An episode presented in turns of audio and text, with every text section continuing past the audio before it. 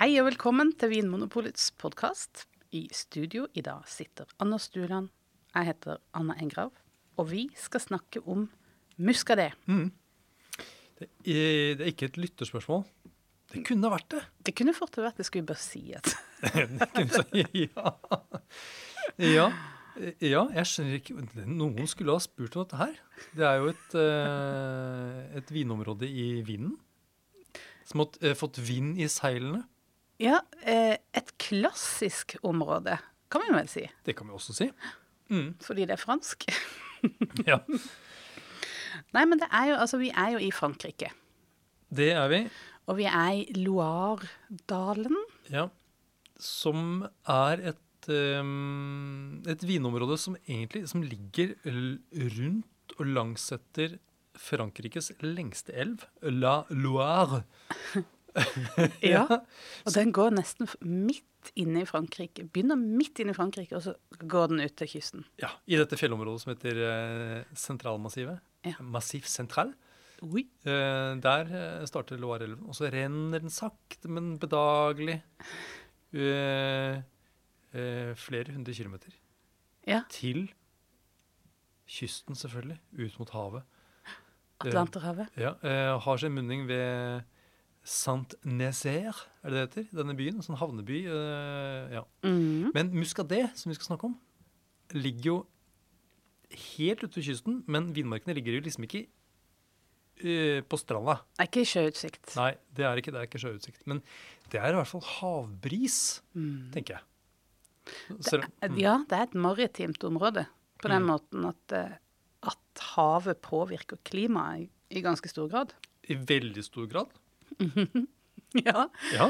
Og, og det gjør den jo på den måten at eh, eh, det er sånne store, store vannmasser.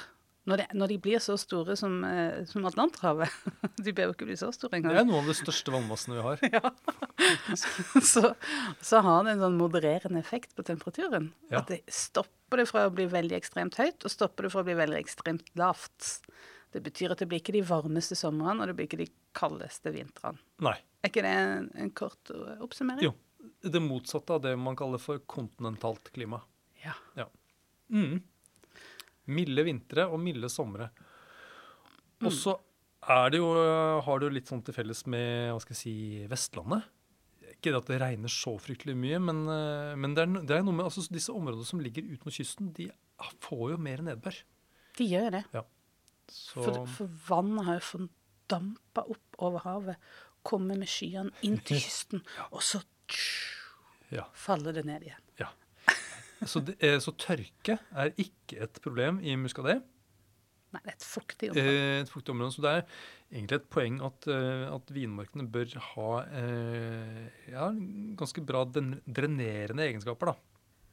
Ja. Sånn at ikke planten blir stående med for mye vann, spesielt i deler av vekstsesongen. Og så er det jo ganske langt nord, nordvest i Frankrike. Ja. Det er jo nord for Bordeaux. Ja, Og det er jo Altså, når man ser for seg den eh, franske formen, holdt jeg på å si, formen på Frankrike, så er den sånn spiss ut mm. i vest. Bretagne. Ja. Mm. den er rett før den spissen. Mm. Så det, Eh. så da, og det med det at det ligger såpass langt nå, så er det jo så naturlig kjølig eh, av det. Det er sant. Ja. Nei, det er jo Altså, Bordeaux er jo også et sånt eh, et, eh, et område som er preget av eh, et maritimt klima. Det Ligger jo også nært um, kysten. Så, men, eh, men Muscadet ligger altså da lenger nord. Ja. Ja. Ytterst i Loire, eh, dette området, altså det storområdet som er ytterst i Loire, eh, blir gjerne kalt for eh, Nedre Loire. Ja. Eh, lower Loire eh, på, engelsk. Men, noen, men i, i Frankrike så omtales det gjerne som en sånn type P. Nanté, Nantais. ja, etter eh, den store byen Nant, som ligger eh, egentlig smack in the middle of, eh, of Muscadet. Ja. Jeg har hørt uh, Muscadet bli beskrevet som vin fra Nant. Mm. Men det er jo Ikke vin fra byen Nant, men fra rett omkringliggende områder. Mm. Eh, hvis man skal beskrive liksom landskapet der disse vinmarkene ligger da, rundt eh, byen Nantes, så er det, det er jo ikke et, eh, det er jo ikke et dramatisk landskap. Nei. Sånn sett er ikke, har det ikke noe til felles med Vestlandet. Nei, For det er jo dramatisk. det er et godt poeng. Det er, eh, det er relativt flatt. Mm. Eh, men de beste vinmarkene eh, har en tendens til å ligge på Jeg kaller det platåer, jeg. Men det er jo noen sånne forhøyninger i landskapet. Og det er sånn typisk at der er kanskje jordsmonnet litt tynnere. Eh, og drenerer også litt bedre. Mm. Ja. Og kanskje også litt mindre utsatt for frostskader. Som faktisk kan være et problem i, uh, i Muscadet. Ikke sant? Ja, det har jo faktisk skapt ganske store problemer for, eh, for Muscadet. Det har eh, eh, Jeg har lest meg opp på dette i forkant, og da så jeg at på 70- og 80-tallet så hadde vin fra Muscadet veldig stor popularitet i England. Det var et kjempemarked i England for Muscadet. Men så i 1991 så kom det en forferdelig vårfrost som ødela store deler av avlinga. Produksjonen gikk ned to tredjedeler. Så du satt igjen med bare en tredjedel av den vinen du vanligvis hadde. Mm. Og det gjorde at prisene gikk veldig opp. Og dette skjedde samtidig med at Australia kom på banen med masse eh, rimelig vin. Så de ble utkonkurrert. Så proppen gikk liksom ut av det engelske markedet for muscadevin. da. Så de har eh, Det var jo en Og og alt dette begynte jo med vårfrosten, på en måte. Det var det som var liksom kroken på døra, Ja. på en måte. Ja. Spikeren i kista. ja. Det var ikke fullt så dramatisk, Nei. da. Det har jo overlevd, heldigvis, Ja. men eh, ja. Nei, men det er jo litt eh, eh, Litt typisk at er sånn som Bordeaux, altså disse vinområdene som ligger eh, ut mot kysten, nærmere, nærmere England og eh, som de gamle dagene var fraktet ting med båt, så, så var det sånn naturlig at eh, de vinområdene som lå der, det var de som var mest populære i det engelske markedet. Mm. Men Muscadet er jo også en populær vin i Frankrike. Ja. Eh, og kanskje ikke en vin som har blitt drukket til de store anledningene, men mer sånn type lunsj og enklere middager og sånt og til fiskeretter og spesielt blåskjell, kanskje. Ja. Vi, skal, vi kan jo ta litt om eh, muskadé og mat eh, litt seinere. Det syns jeg. Men du fant også ut noe pussig med den eh, vårfrosten som rett og Mm. slett endra hele området sånn betraktelig. Ja, fordi de har jo uh, laget vin der i, i lang tid. Um, og den druetypen som er nærmest enerådende nå, er jo en druetype som heter Melon de Bourgogne, eller bare melon. Ja. Drua melon. Ja, det er litt morsomt. Det er litt Eh, En drue, som, en drue med navn melon. ja. Men, eh, men på, altså før 1700-tallet så var det faktisk en del eh, blå druetyper som ble dyrket der. Så det betyr at man lagde en del rødvin. Ja. Men så var det da også en, en, en heftig eh, vårfrost i 1709 som tok knekken på mange av vinplantene, og spesielt de, eh, de blå druene. Og samtidig så ble det da eh, liksom I perioden etter så ble det da plantet mye av denne druetypen Melon de Bourgogne. Eh, primært faktisk for å eh, produsere um, sats til brennevin. Yes. Mm, Det var nederlenderne som eh, ønsket da liksom, en produksjon av brennevin i området. Og, og da ble det dyrket i Melon de Bourgogne. Og det er det man sitter igjen med nå, da. Så vårfrosten hadde en finger med i spillet der òg. Mm, Og- og, ne og og er- nederlenderne. Og nederlenderne. Det er to, Sånn to avgjørende faktorer. Sånn som i Bordeaux, ja. Mm.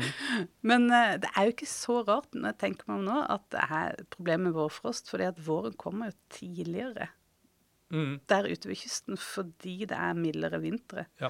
Den kommer faktisk to uker før normalt sett i Muscadet enn i Sancerre, som er den innerste delen av Loire. Ja. Som egentlig er da i midten av Frankrike. Ja.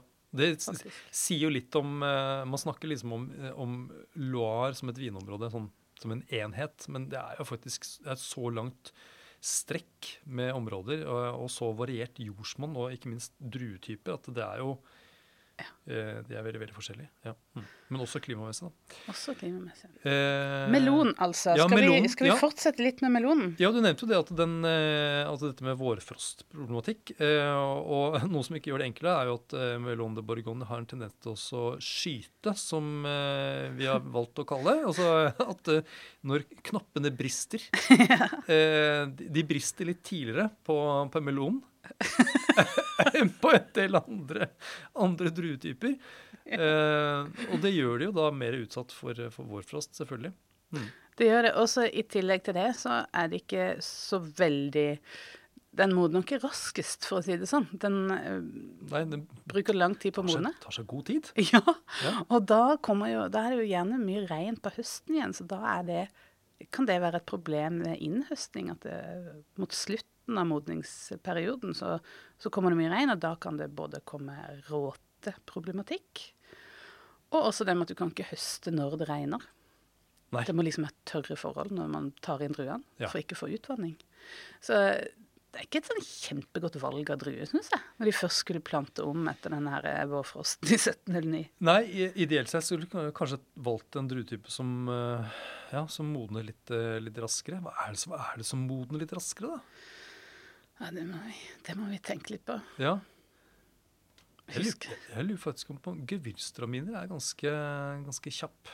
Ja, kanskje det. Mm. Det, det, det, Ja, for det, for det er noe med at jo mer modne druer er, jo mer aromatisk blir den også. mm. Eh, og her er vi kanskje ved kjernen av et sånn stilspor. At Ja. eh, tidlig høsta druer vil være mindre aromatiske enn seint høsta druer. Ja, for det er jo eh, noe som sies om Melon de Bourgogne, at det, den druen gir viner som er ganske nøytrale. Eh, det er ingen sånne spesielle aromatiske kjennetegn med den. Eh, den gir ikke mye fruktighet, ikke noe sånn tydelig blomsterpreg eller krydderpreg eller noe sånt noe. Liksom tilbakeholden, forsagt. Eh, Og høy syre. og høy syre, ja. Eh, Men så er det det at eh, druene er små, men de er ganske tynt skall. eh, Noe som også gjør de mer utsatt faktisk for råte. eh, Og er med at det er et fuktig klima eh, som ikke gjør det så lett. da. Men et tynnere skall det er Mye aroma sitter jo i skallet. Ja. Og det kan jo være noe av grunnen til at, eh, at det gir lite aroma til vinen også, at det er et tynt skall. Men det kan også være, som du sier, at, eh, at frykten for å ende opp med eh, råtebefengte druer gjør at man har tradisjonelt høstet litt tidligere enn man kanskje ville gjort mm, andre steder eller med andre druetyper. Og da ender man opp med druer som kanskje ikke er så aromatisk modne.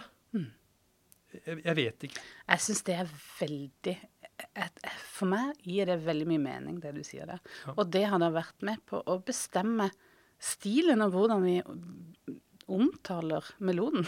Ja, ja, Fordi at eh, det, den blir jo beskrevet nettopp som det. Ja. Lite aromatisk, høy syre. Ja.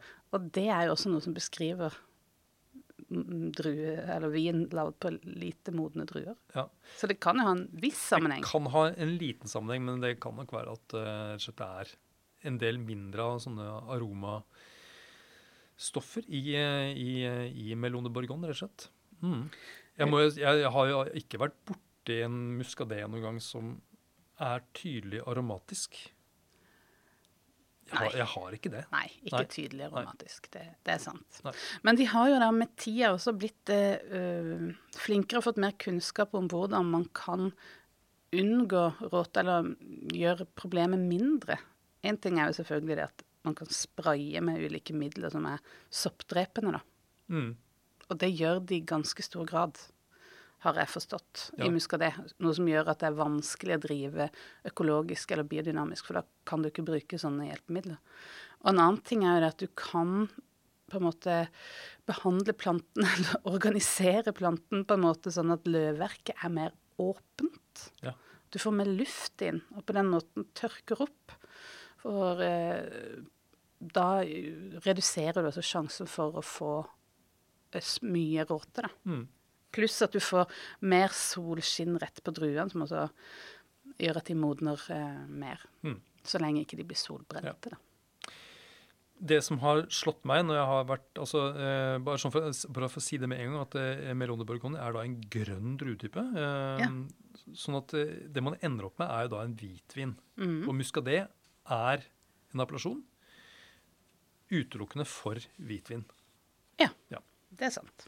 Det er litt eh, er Noen alltid- sånne ting må på plass. Ja, Og de er alltid tørre.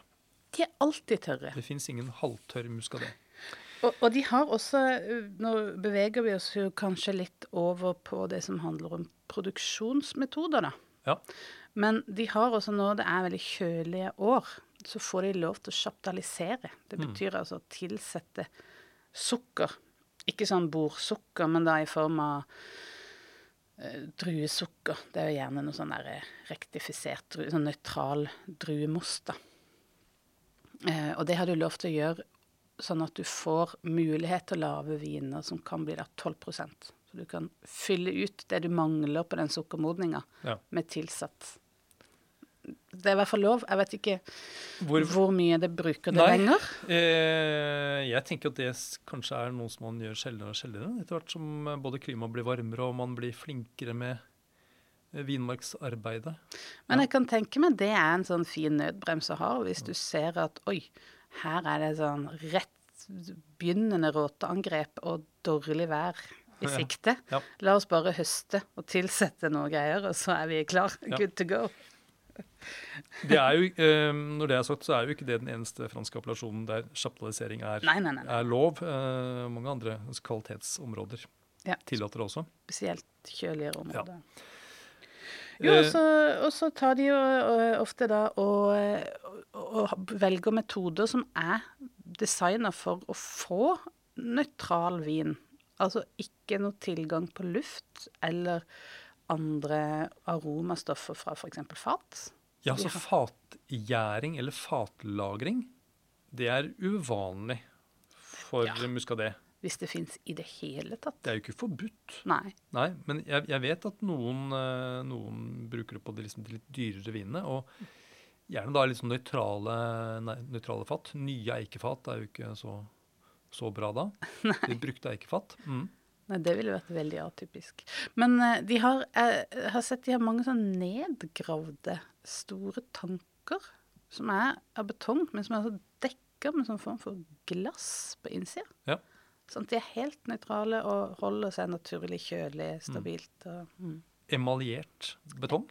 Ja, på en måte. Mm. Eller stål, da. Det er jo også en mulighet. Eh, så det holder temperaturen ganske jevn, selvfølgelig, når ting er gravd ned og det er sånne store beholdere. Eh, så ikke så altfor varm eh, gjæring, skulle jeg tro. Nei. Men uten temperaturkontroll, vil ofte. Man, man eh, Ja, eh, og det er noe med den, den druen som vi har snakket om, at den gir ganske nøytrale viner. Eh, og så er det noe med vinmakingen her som heller ikke liksom introduserer noe spesielt mye aroma. Man bruker ikke gjærtyper som tilfører en sånn tydelig fruktighet, f.eks. Det er ikke så interessant for uh, muskadeprodusentene. De ville heller spille på noe annet. Um, og det er jo dette med å la, ting, la vinene ligge på bunnfall Ja. lenge. Og det har blitt en spesialitet, eh, kan vi vel si, når det gjelder uh, muskadet. Det vil, vil jeg vel nesten si er varemerket. Mm. På en måte. Ja. Og de vinene som har ligget lenge på bunnfall, de, eh, mange av de blir merket med surli. Ja. Altså eh, på, På sengen. på seng, ja. Mm. Ja, på seng, ikke på sengen. Eh, som da betyr bare at vinen har ligget på, på bunnfall. Og der er det faktisk knyttet noen helt konkrete regler til, eh, til den merkingen. Så hvis du står med en flaske muscadet i hånda, og det står surli på, så, så har den blitt produsert etter noen eh, bestemte regler. Ja, da har du fått uh, egentlig ganske mye informasjon med de to ordene der. Og det ene er jo det at den har da uh, blitt Ja, det er egentlig kanskje det viktigste er jo det at den er da flasketappa en gang mellom 1. mars og 30. november året etter den er blitt høsta inn. Ja. Og den perioden den har Altså fra gjæring til flasketapping har den ligget sammen med gjærrester. Ja. Så vinen har vært i kontakt med gjærrester. Og da ligger, altså Disse gjærrestene de, de eh, har jo en tendens til å liksom falle ned og ligge på bunn. Ja. Og da skjer det jo noe. Det er jo en eh, Det det er jo en Hva heter det? En eh, Altså, det er jo en prosess. Mm. Når, når dette, denne kontakten her Ja, gjør jo noe med vinden. ja den, eh, den, den gjør det. Altså, går det lang nok tid, så brytes jo gjærcellene ned. Det er enzymer i gjærcellene som bryter ned. Og da får man dette som man kaller autolyse. Ja. Eh, som mange kanskje har hørt om i, eh, i champagneproduksjon f.eks. Mm. Og champagne er jo også et, et område der det er veldig vanlig å la vin ligge lenge på bunnfall. Eh, og, og hvor de også har et regelverk faktisk som sier noe om hvor lenge vinen skal ligge på bunnfall. Um, så er spørsmålet hvor, hvor lenge må vinen ligge på bunnfall før, det, før du merker det, og hvordan er det du merker det? Ja. Hva, hva slags preg er det det setter på vinen? Ja. Intensjonen, som jeg har skjønt, er jo for å gi vinen mer fylde. At du står med en veldig sånn slank, nøytral vin. Og at du ønsker da med det bunnfallslagringa å få Eller bermelagringa, som vi kaller det. da, At du får en sånn tilført noe mer dybde og rikhet i vinen, da, som Mm. ikke er frukt. Du munn, du beskriver noe som handler om munnfølelse her, eh, tenker jeg. Ja, Eh, egentlig begge deler. Ja, denne rikheten, Ja. en fylde, eller jeg kan også tenke meg å kalle det en sånn form for en sånn litt sånn fetere, litt mer sånn kremet eh, munnfølelse, som jeg tror henger sammen med eh, noen proteiner som, eh, som liksom eh, eh, Som da på en måte kommer ut i vinen med denne Ja. bermelagringen, eller Noe sureli-lagringen. sånn aminosyrer eller noe greier. Ja, Manoproteiner, tror jeg det faktisk er. Akkurat. Ja. Eh, men i tillegg så kan du hvis det går lang nok tid, så kan du også sette preg på vinen med noen bestemte aromaer også. Ja. Eh, og i champagne så kan man det kjenne som noe sånn eh, bakverk, kjeksaktig. Og jeg tenker at eh, i Altså, i en muskadé merket som surli, da, så har den jo potensielt ligget i, eh, i maks 16 måneder, sånn røftlig, på bunnfall. Ja. Eh, og da I hvert fall over vinteren, og det er jo ikke så mange ja. måneder. Og da kan man jo etter hvert begynne å kjenne noe sånn hint av noe sånn sånn ferske nøtter, soppaktig. Eh, ja, noe som ikke er sånn råsopp Ja. mer enn mm. Eh, Som ikke er dette fruktige, som jeg tenker da henger sammen med, med bunnfallet. Eh, noen vinprodusenter, eh, spesielt de som produserer chardonnay-baserte viner, har jo en tendens til å røre mye rundt eh, når de eh, lar vinen ligge på bunnfallet. Den kalles eh, da for batonnage. Og som på en måte kan eh, hva skal jeg si, få dette preget til å bli mer sånn skje litt raskere, men da får man gjerne enda mer sånn smøraktige aromaer.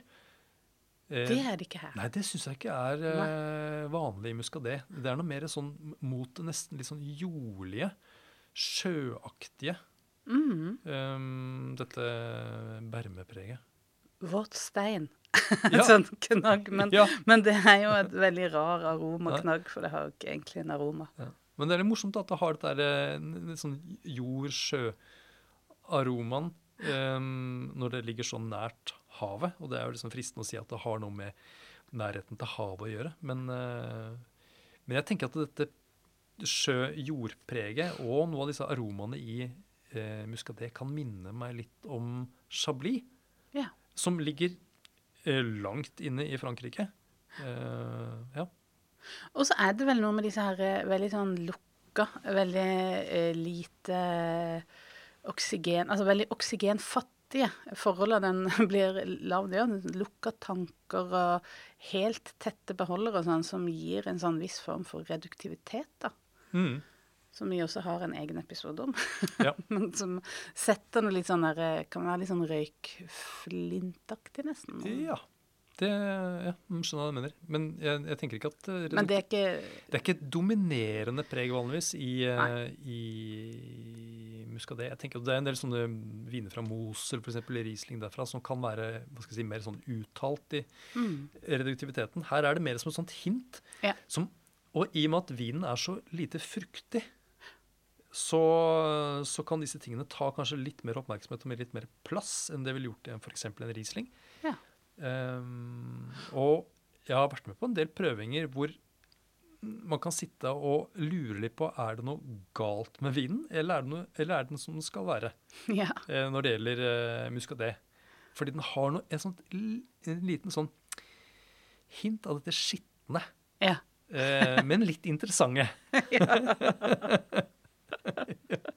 Som er dette sånn, litt sånn sjø-jordaktige. Hmm. Hmm. Men det tenker jeg har, henger sammen med liksom, denne bermelagringen, eller surli-metoden. da. Eh, og kanskje ikke jeg, jeg tenker at det ikke er jordsmonnet eller, eller druen som gjør det. Nei. Druen ja. danner mer et måte sånt lerret. Det, er- på en måte Hva skal jeg si De døde gjærrestene kan få lov til å skinne. Og det er noe veldig lite sånn eh, eh, pribadonna-vin. Den tar ikke så mye plass. Den er veldig sånn kan jo egentlig være litt vanskelig å eh, sette pris på kvaliteten, kanskje. Ja. ja. Hvis du kommer fra hva skal jeg si, en, En Riesling. en Riesling som er tydelig fruktig, eller en Sancerre som har sånne, sånne tydelige sånne markører eh, på aroma, eller, eh, eller en litt sånn fet chardonnay med masse fatpreg og sånt noe, så er eh, mm, Nei, eh, dette her er noe annet. Eh, men jeg, ja, som jeg sier, at jeg syns det minner litt om Chablis, eh, som ikke har ligget på fat. Det kan minne litt om Det blir jo litt smalt igjen, da, men disse her, eh, eh, hvitvin fra Azorene, f.eks. Ja. Som også er jo eh, atlanterhavsvin par excellence. det er sant. Ja, men det er også viner som har liksom, en sånn tilbakeholden fruktighet, men som spiller mer på dette der liksom, sjø-jord-aktige. Men det gir på en måte gjør at eh, mm, det, det, det, på en måte, det, det støtter mer oppunder når man, eh, når man har dem til mat, f.eks. for Ja. Eh, ja, og de har noe til felles med nesten som sake. Bare at de er jo, dette er jo vin, så det er jo syrligere, selvfølgelig.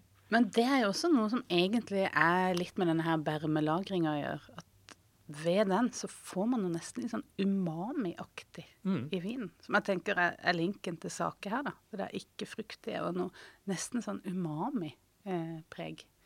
Som eh, Altså smaken. Grunnsmaken umami. Enig. Og det ser man også i, i champagne som har, vært, har ligget lenge på Som har mye autolyse. Så det er, noe, det er noen koblinger til til forskjellige steder, kan man si. Eh, Men vi, vi ja. må også snakke om dette med eh, Skal du si jordsmonn? Nei, det vil jeg gjerne at du skal snakke om, for det, det, Det er, det er mitt det er liksom spesialfelt. spesialfelt. Jeg samlet jo på stein da jeg var liten. Det tviler jeg ikke på et Eh, sekund. men det har jeg sluttet med nå. Det er, så, det er usexy. er det ikke det? Å samle på stein? Ja, Ja. det er kanskje ikke sånn kjempefrekt. Men hva gjorde du med steinsamlinga? Den gikk i flyttelasset? Eh, nei, ja, ja, de godbitene har jeg faktisk spart på. De ligger på, i en liten eske på loftet. Der ligger de. Eh, sammen med en veldig flott trilobit som jeg fant. Er det noe fra 'Ringenes herre'? Nei, det er jo eh, Jeg, kaller det et krepsdyr, men det er jo et eh, altså, eh, Da snakker vi sånn 300 millioner år tilbake i tid. Fantes det noe sånt som så ut som skrukketroll, ja, men som levde nede i havet. Ja. Og den trilobit, eller sånne fossile fossilet jeg fant, da, like stor som en, en halv håndflate. Jøss, yes, hvor fant du det? Jeg fant det faktisk i eh, Chablis? Nei, eh, jeg fant det ute i Asker da jeg vokste opp. Jøsses.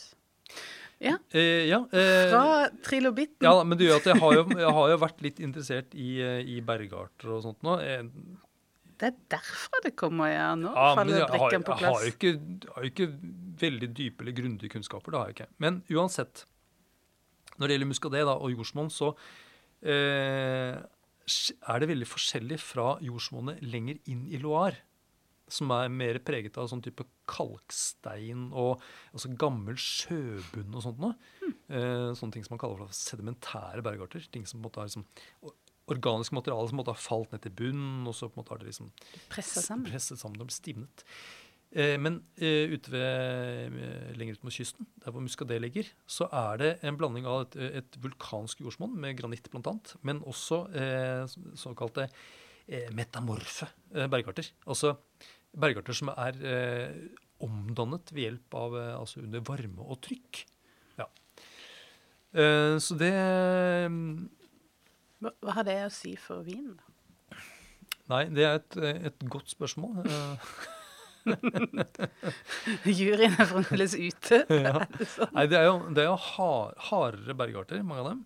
Eh, det kan ha noe å si for pH-en i, i jorda, Uh, uten at jeg liksom kan si noe sånn helt sikkert for muskades sitt tilfelle. Da. Men, uh, men eh, det er klart, altså, i et, eh, et kalkrikt jordsmonn, eh, som det er lenger inn i Loire, så er jo, eh, blir jordsmonnet, har jordsmonnet lavere, nei, altså høyere pH, mer basisk. Mens i, eh, i, eh, i sånn type vulkansk uh, jordsmonn så har det tendens til å være litt lavere pH. Og det, er- av en eller annen grunn så har det, kan, har det en tendens til å påvirke faktisk syrenivået i, i druene. Eh, motsatt. Altså at eh, et, eh, et jordsmonn eh, som er kalkrikt, som har da høy pH, har en tendens til å gi druer med lav pH. Altså høy syre. Ja. Og sånn motsatt, da. For, eh, ja. Så det, men, Så egentlig skulle det gitt druer med lav syre, da? Ja, men så er det det med å si at det er, man høster kanskje litt tidlig. Druen, altså Vinene ligger jo på sånn eh, 12 eh, veldig ofte. Kanskje Mm. 13 eh, Og de ender jo opp med sånn syrenivå som er sånn type 5-5,5 eh, gram per liter. Og så kan man sammenligne dem da f.eks. med eh, Sancerre, da. Mm. Som lages på Sauvignon Blanc-druen, som produseres da liksom langt inne i landet, hvor det er eh, dette kalkrike jordsmonnet. De eh, kan jo være på sånn 7-8 gram eh, per liter. Eh, mm. Det er faktisk veldig interessant. Ja, Men det kan ha noe med druer å gjøre, og det kan også ha kan ha noe med jordsmonnet å, gjøre òg. Mm. Og når man smaker en muskadé, så Ja. tenker man kanskje at den er syrligere enn den faktisk er. Fordi at det er så lite annet. Ja. Så det blir tydeligere den syre som er der. Det er, Kanskje. det er sant. Jeg tenker også sånn i hvert fall, at eh, når det ikke er en sånn tydelig fruktighet, mm. så eh, fungerer i hvert fall hodet mitt sånn at da, da, da virker vinen tørrere. ja. Mm. Ja. Ehm, ja. Ja, men det, det syns jeg var et eh, godt innspill. Og så er det kanskje også noe med det, de harde eh, bergartene. At de lar eh, vannet bare renne forbi. At Ja. ikke de, Det er et godt poeng. de lagrer ikke vann på Nei. den måten, eller eh, på, på godt og vondt, da. Men akkurat her så er vel det et poeng at det skal drenere. Faktisk. Ja. Og så syns jeg vi, eh, vi kan ikke snakke om franske vinregioner uten å snakke om appellasjonssystemet. Nei, Det, for det ville vært. Det ville vært uhørt. For det er liksom alt, hele kvalitetssystemet er bygd opp rundt den logikken at det skal deles inn i geografiske områder, Mm. og at det er regelverk knytta til de ulike. Og jo mindre det geografiske området er, jo strengere er ofte reglene, og jo høyere er kvaliteten regna for å være. Ja, teoretisk. Prisene blir også som regel høyere. Ja. Og i Muscadet så er det fire appellasjoner. En ganske stor regional appellasjon, som bare rett og slett heter Muscadet AOC. Mm. Det rimte jo ikke? ja. Ja, Og der er det faktisk lov med 10% chardonnay i, inni blenden. Hvis det bare heter Muscadet Ja. Så kan du ha, risikere at det er 10% chardonnay. Uten at det nødvendigvis vil gjøre så mye til eller fra. Men det er også litt eh, mindre strenge krav for eh, avkastning.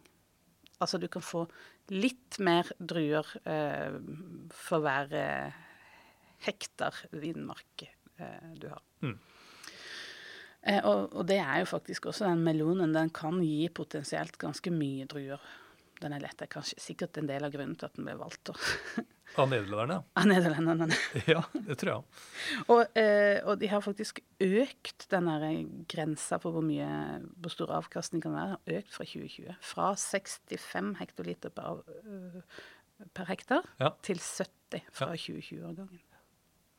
Så det er den store regionale. Men der kan du ikke Det er ikke en del av den surli-ordninga. Så lager du en, eh, en muskadé AOC, så har du lagd bare en nøytral, lett, frisk hvitvin som du flasketapper ganske raskt etter eh, etter gjæringa. Ja. Og du har fått liksom sedimentert og klarna og liksom gjort alt det vin som den blir helt ferdig. Og så flasketapper du den, og så rett ut. Ja, så dette her, eh, fordi det ikke ligger så lenge på bunnfall eh, som regel, så, så er det litt, litt enklere eh, viner. Enda mer nøytrale kanskje i stilen enn det man får hvis man går litt opp i kvalitetshierarkiet. Ja. Ja. Og så er det tre eh, andre appellasjoner som da alle er eh, inn Alle kan da sette etter appellasjonsnavnet kan sette Surli på etiketten, og da sier det noe om hvor lenge de har ligget på bunnfallet. Ja, for da har de fulgt disse reglene. da har de fulgt de reglene. Og der er det litt strengere krav til avkastning. Eh, og det er skal, skal jeg lese det høyt, Det kan du godt gjøre. det er, den mest kjente, tror jeg for de fleste, det er Muscadet de Sèvres Emen. Jeg, jeg tror det er sånn. Jo, det høres bra ut. Og det er faktisk den største appellasjonen i Loire når det kommer til hektar beplanta vinmark.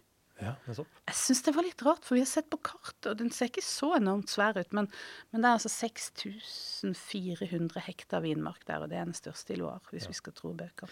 Og det er et område som ligger eh, sør eh, og sørøst, eh, stort sett, for eh, denne byen Nantes. Og nå er vi da som, rett sør for elven Loire. Ja. Men du nevnte da Sever et Men, ja. som da er, og da er det snakk om egentlig to sånne elver som eh, renner ut i Loire-elven, som da egentlig går gjennom eh, dette området. ja. Ja. Det er kanskje Det er det mest, kjente, det er liksom det mest kjente. Det her lages det mest, mest vin av de tre underområdene som du nå snakker om. Ja. Mm. Det er liksom kjernen. Hadde det vært i, hadde det vært i Italia, hadde det sikkert hett Muscadet Classico. ja. Ja, ja, men det er ikke Ja, det er en god eh, parallell, egentlig. Det er litt morsomt. Og så har du da Muscadet Coteau de Loire, AOC. Ja. Eh, som er en egen region som ligger eh, Nå må jeg bare se på kartet. Ja, for da er vi eh, Den ligger på, egentlig på begge sider av selve Loire-elven. Ja. nå er vi eh, øst og nordøst for Nantes.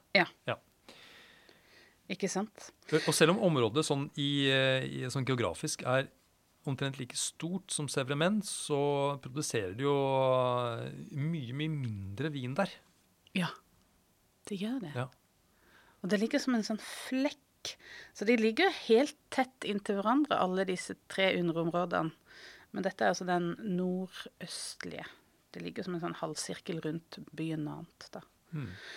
Og den siste, eh, den heter Muscadet Cotte de Grand Lieu AOC. Og den ligger da altså lengst vest eh, ved siden av eh, Sevremen, men ut Altså Ut mot havet. Ja, der sa du det. Ja, ja, den er faktisk Det er de som Det er kanskje ikke sjøutsikt eller havutsikt, men det er den som på en måte har Ja, og så ligger det midt inni ligger det en ganske stor innsjø som heter Lac de Grand Lieu. Ja. Det er derfor den heter det, regionen. Så det er liksom de, de regionene, og innenfor her så er det ganske like regelverk både når det kommer til avkastning og dette med surli. Ja. Men det er én ting som skiller seg ut, og det er det at innenfor Muscadet Sevre Menn så har man mm, identifisert ti kommuner som er da tenkt å, å være enda liksom top of the pops. top of the pops. Og at du har Det er liksom Og kommuner her, det er jo eh, byer, altså. Så, du har egentlig delt opp Sevre menn i ti underregioner. Mm. Og så har du gitt dem en status som de kaller cry communaux. Ja. Og kry er jo et, eh, et begrep som eh, man kan kjenne igjen fra f.eks. Chablis, altså sånn typisk sånn Bourgogne-klassifisering. Ja. Eh, men så handler det egentlig ikke om små vinmarker her. Det, det er mer snakk om eh, et område rundt en landsby, f.eks. Så da, det ligner jo mer på en village Ja. på en måte. Men det er i hvert fall det som er høyest i hierarkiet i Muscadet. Ja. Og det er jo en eh, her er, det, her er regelverket enda strengere for når det gjelder hvor mye vin du kan høste ut av eh, hver enkelt hektar. Og eh, det er litt strengere krav til bermelagring. Altså til den bunnfallsdagen. Det må ligge minst 18 måneder på bunnfall. Og da er du kommet etter 30. november, som er reglene for at du skal kunne kalle det surli.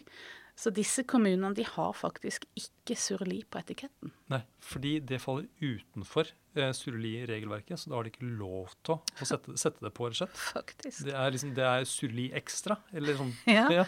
Men du har jo da navnet på den eh, villasjen, eller den cru communoen, da. Eh, så du har den, eh, og da vet du hvis du er informert og har hørt denne podkasten, Ja. at da har det ligget minst 18 måneder på, på Bærme og har liksom enda eh, på en måte rikere munnfølelse og mer preg av de aromaene fra Ja. Og jeg vet at en del produsenter de lar jo gjerne vinene ligge enda lenger òg. Altså sånn oppimot 36 måneder. Ja. Er ikke så uvanlig, faktisk. Og da er vi eh, Det er jo like lenge som liksom, virkelig god champagne. Ikke For sant? For eksempel. Hmm. Eh, men dette Ja, og, eh, og disse eh, Cru Communaux-navnene de blir gjerne da sånn trykket med stor skrift på etiketten. Eh, mens eh, sånn Muscadet-navnet, det eh, er mindre. Ja, jeg syns det nesten er litt rart, fordi navnet er det jo veldig få som har noe forhold til. Mens Muscadet er jo kanskje litt mer kjent. Ja. Men dette her er jo, eh, la oss si, i støpeskjeen. Ja. Eh, dette er ganske nytt, det at de har klart å få eh, offentlig godkjent eh, disse Cru Communone. Og det er vel av de ti, så er det vel bare sju som offisielt er godkjent, eh, mens tre eh, har en, liksom en søknad inne som man liksom regner med går igjennom etter hvert.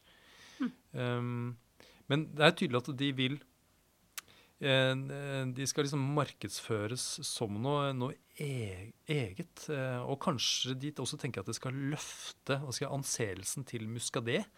Eh, jeg, jeg, eh, jeg tenker det. De, som, som du sier, at det lå liksom litt nede. Det mistet eh, markedene i England. Det ble sett på som en litt sånn useriøs vin. En sånn Veldig vinen- enkel. Vinens svar på, på mineralvann. Liksom. eh, ja, en tørsteslukker som man hadde ved siden av maten, men ikke så mye mer enn det. Ja. Ja.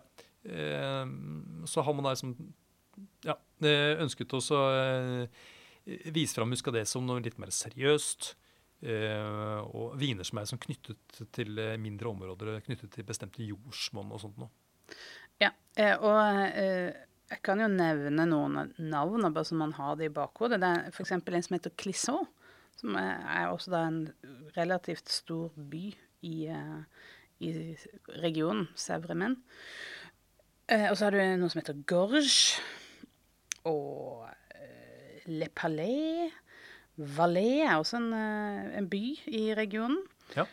Og så er det noe som heter Chateau Thébault. Jeg syns det alltid er litt gøy med appellasjoner som heter Chateau. For da tenker jeg at det er en, at det er en produsent. Ja. Men det er jo noen appellasjoner. Det er sånn typisk quiz-spørsmål, egentlig. Chateau Thébault, Chateau Grier i, eh, Ja. i Rouen. ja. Eller eh, i Jura heter det Chateau Chalon. Chateau Chalon. Ja, vet du, det, det var, ja. den er fiffig. Den er litt fiffig. Men i Muscadet er det altså Chateau Thébault. Ja. Thebaud. Ja. Og, og det er flere. Det er enda flere, men skal vi, vet ikke om vi skal Ja. ta oss bry med det. Den største heter jo faktisk da Golen. Ja. Ja. Men, eh, ja. Og de ligger liksom klumpet sammen, eh, akkurat der hvor eh, disse to elvene Sevr og Menn eh, liksom, løper sammen, omtrent. Der, eh, der ligger de. Akkurat. 200 hektar tror jeg de er sånn omtrent samlet.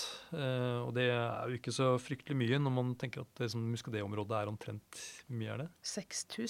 Seks- 6500. 6000 eh, hektar, ja. Mm. Og så er det bare lov til å eh, produsere 45 hektoliter per hektar. Så da kan jo alle sitte og regne hvor mye som kan lages maksimalt. Men ehm, eh, du har faktisk tatt med en muskadé? Det har jeg. Skal vi, eh, skal vi snakke om den nå? Det kan vi godt gjøre. Eh, Det er, vi kan si så mye at det er, eh, det er en vin eh, fra som Og det kan jeg si, si egentlig nå før jeg glemmer det, er at det, eh, muskadé er en vin som egner seg for lagring. Ja. Hvorfor det? Eh, og du behøver ikke sånn punge ut eh, så fryktelig mye. Eller. Tenk altså En, eh, en, en surli eh, kan du la ligge 10-15 år. Og, og få en, en spennende vin som minner da om en sånn utvikla chablis, tenker jeg. Eh, men den vinen vi har her nå, den eh, er ikke Den er ikke veldig utviklet, men det er en 2018. Så den har jo noen år på bakken. Ja, Og det er en sånn type Kry Communaux. Dette er en Kry Commonoia. Ja. ja. Så her står navnet med, på denne eh, kruen. Den står med store, flotte bokstaver. Og det kan vi dessverre ikke eh, Vi vi vil ikke si For det er ikke så veldig Poenget er ikke så veldig akkurat denne enkelte vinen. Nei. Og det kan vi jo si da at eh, når det gjelder muscadet, Mm. så er jo det er ikke så store variasjoner stilmessig. Det, man kan liksom merke at det er liksom litt mer at det, dette bermepreget, eller surlipreget, mm, når man kommer opp i, eh, i kvalitet. Litt høyere konsentrasjon. Dypere, men det er ikke noe sånn det er ikke Litt mye- mindre Farris. Ja, men det, er, men det er ikke sånn at du plutselig får mye fat eller noen sånne veldig sånne markante egenskaper. da. Nei, det er sant.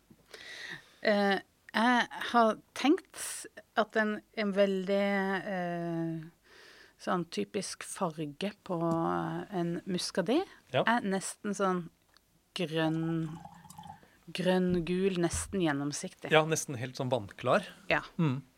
Nå har vi jo for en gangs skyld ikke svarte glass, som vi pleier å ha. Nei, det var litt deilig.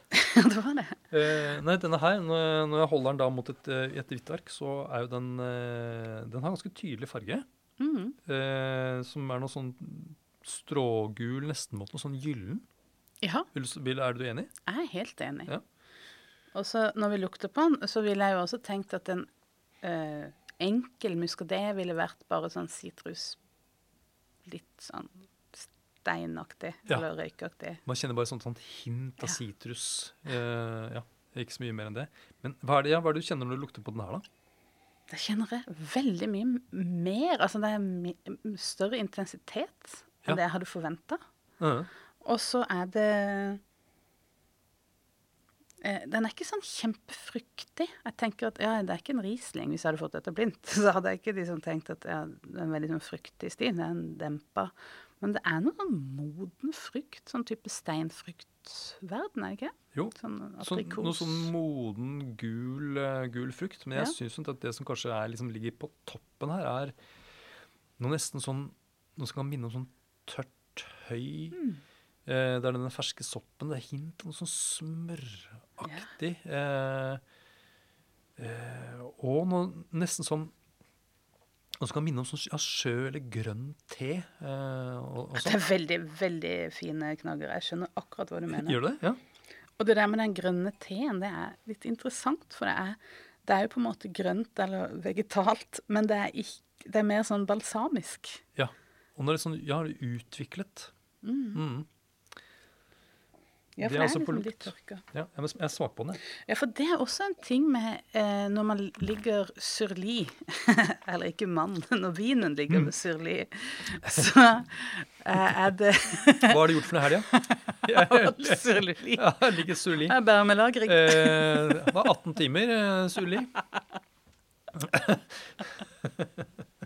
Men, men det, når vinen ligger og sørlig, da er det liksom eh, eh, Den beholder litt sånn ferskheten. Den utvikler seg ikke Fryktigheten utvikler ikke seg like raskt. Så det derre eh, tørka frukt og nøtt, det er eh, ikke så Altså, det kommer først ved flaskelagring heller enn ved enn på Ja, Mm. skjønner du hva jeg mener? Ja. Det beholder ferskheten. Det er som å balsamere vinen. Ja, det er jo det. Jeg tenker 2018, og vi er nå i 2022. Ja. Det er jo ganske Jeg ville jo aldri tenkt at den hadde så mange år. Nei. Men det er sånn at det, eh, det er en fascinerende vin fordi eh, jeg, Jeg har ikke en følelse av at det er noe som er laget av frukt. Ja. Hmm. ja. Hva er den lagd av Men da? det føles som på en måte man har liksom, man har liksom pressa litt, litt ting fra sjøen, og, litt sånn, Ja. litt, og noe litt sopp, og så eh, Ja. Ja, det er litt fascinerende. Det er ikke et produkt av planteriket nødvendigvis. Eh, Ja, ja. Nei. Men det er noen sånne grønne planter der, men litt sånn aloe vera nesten. Ja. Eh, I munnen syns jeg at den har den der litt sånn, litt sånn feite, litt sånn krema munnfølelsen. Eh, men en sånn syresnert som liksom stramler litt opp, men ikke så voldsomt som i virkelig syrlige viner. Det syns jeg ikke. Nei, den, den har god friskhet. Den er Ja. liksom forfriskende. Ja, den er ikke slapp, nei. Nei, nei, nei. Helt tørr. Helt tørr, og så Ja. det der nesten sånn olje, ja, som du sier, krema, olje, munnfølelsen. Ja. Grønn te, jeg likte litt det der. Ja, og den, eh, den har noe sånn En ettersmak som har en sånn hint av frukt, men det er noe som like mye sånne der, ting som jeg nesten kan forbinde med noe sånn sherry, sake eh, Nesten noe sånn, bu, sånn god buljong, eller altså det er noe sånn eh, Ja. ja. Eller kremost. Eller kre, ja. Er litt av det utvikla, litt av dette umami-aktige. Ja. Mozzarella. Eller noe sånn, der, noe sånn ferskost, liksom. Ikke, Ja. ikke lagra ost. Nei. Eh, ja. Det er en fascinerende vin. Eller, Mm. Og litt sånn eh, mm, Litt sånn på tvers av det som jeg tenker er moderne, eller som i hvert fall har vært liksom den rådende liksom vinstilen i, i når det gjelder hvitvin. Med Sauvignon Blanc for eksempel, og Riesling, som, som gir så veldig fruktige viner, så er dette her liksom helt andre enden av skalaen. Ja.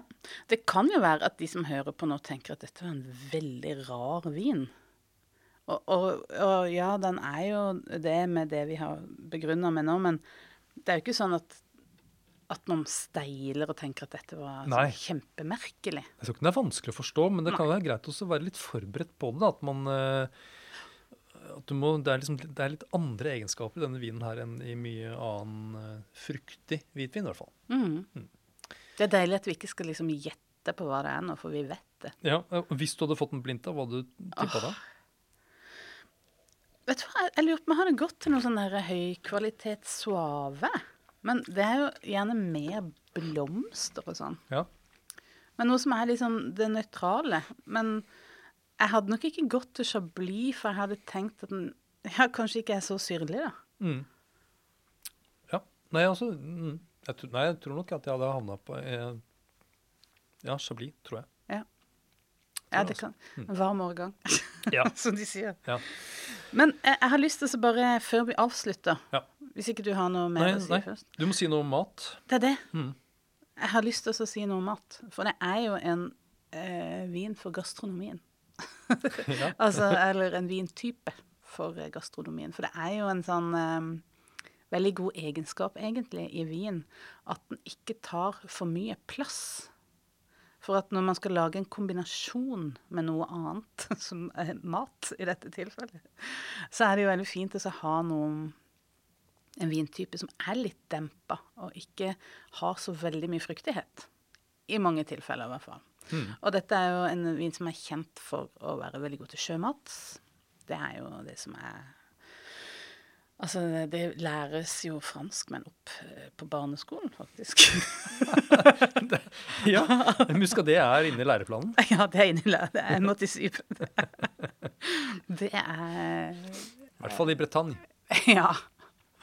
At um, til østers, til blåskjell Alt som er liksom eh, skjell, Ja, og snakker sjømat. Ja, og gjerne litt sånn eh, når man spiser disse tingene uh, naturell. Ja. Uh, for det, hvis man begynner også sånn chili og en sånn mangosalat uh, Ja, da går man til Alsace. ja, da trenger man litt mer frukt. frukt. Men når du får det på sånn der stativ med, med is på, Ja. da, da henter de fram og så musker de igjen. Ja. Og det gir absolutt mening, for jeg tenker at en ikke-aromatisk vin passer veldig godt til ikke-aromatisk mat. Og, Mm. og sjømat er jo ikke så veldig aromatisk. Det har det der liksom sjøaktige jodpreget som, som de kler hverandre godt, da. Eh, og, og også det med den syrligheten eller den forfriskende altså du, du har lyst på vin til sjømat. Ja. Fordi det er akkurat som du har lyst på sitron til, Ja. fordi det er syrlig. Ja. Akkurat som det er det sjømaten mangler. Men øh, fisk, da?